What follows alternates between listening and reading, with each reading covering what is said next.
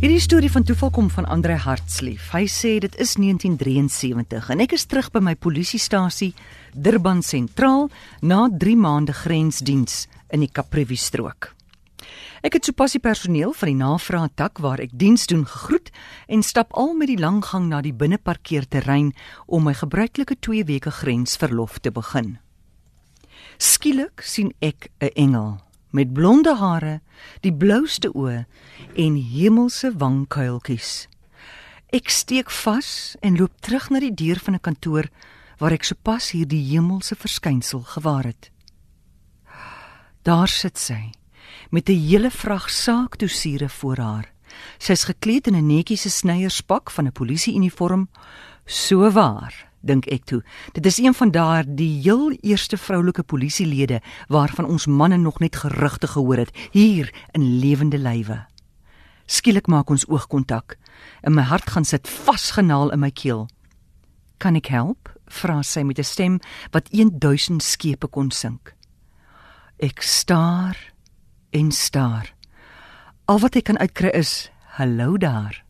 Hier kom ek so wrintie waar uit met dieselfde verfoeilike verbeeldinglose vlerksleep gesegde en ek klap my naam daar met 'n plank. Asof in 'n waas merk ek dat ek reeds sterk op pad is na buite toe. By my pa se motor, 'n pikswart Cortina, wag ek op my ouers. My pa is die stasiebevelvoerder, Major George Hartslief. Nie lank nie of my ma kom daar aan. Haar werksplek is naby geleë by 'n drukkery waar sy as Engelse kopie leser werk. En toe vra sy: "As jy so staan en glimlag soos 'n kat wat room gesteel het?" "Vertel," sê sy nuuskierig. Ek sê toe: "Nou hoe dan anders ma, ek het sopas my toekomstige vrou ontmoet." Maar wou sy weet, "Wat van jou meisie Caroline dan?"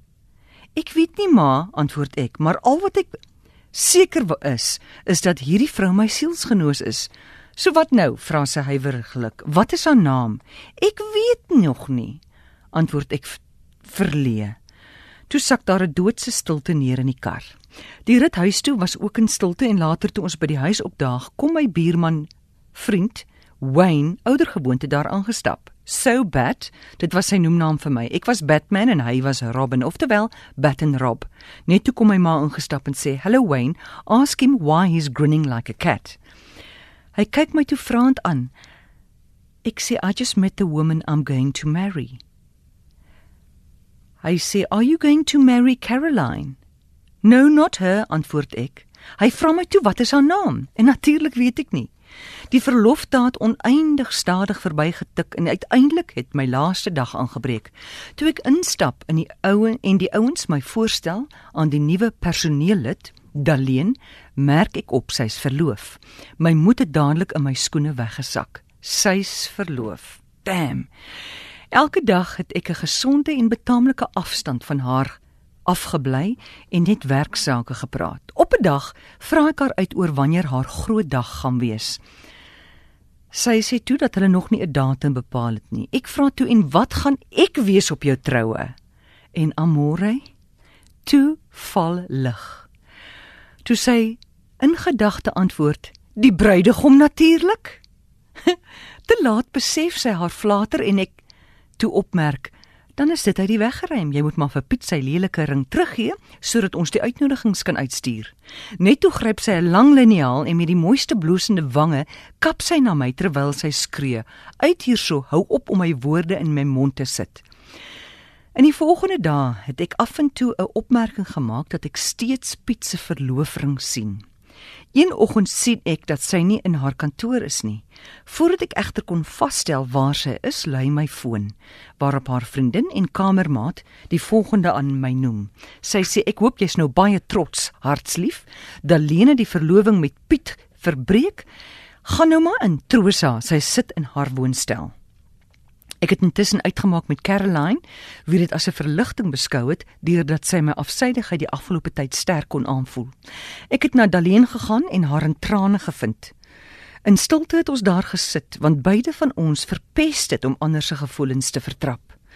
Ek het Daleen vertel dat daardie dag van ons ontmoeting vir my eensklaps gevoel het soos 'n goeie stortreën op dorre aande of skus tog dorre aarde. En op 'n ietwat minder dramatiese wyse bevestig sy toe ook dat die oomblik toe ons in mekaar se oë gekyk het, dit vir haar was asof 'n dierbare verlore vriend van lank gelede onverwags opgedaag het by haar. Na ouers vra is ons 6 maande later getroud op die 3de Maart 1974 en ons is die Ave Maria toegesing deur niemand anders as Caroline, my eks nie. Nou na der duisende avonture saam, kyk ons terug oor 43 jaar. Drie oulike kinders en een kleindogter, Savannah, wie haar ouma en oupa se oogappel is. Ons is steeds klopdisselboom nes goeie ou wyn reg vir die volgende 43 jaar.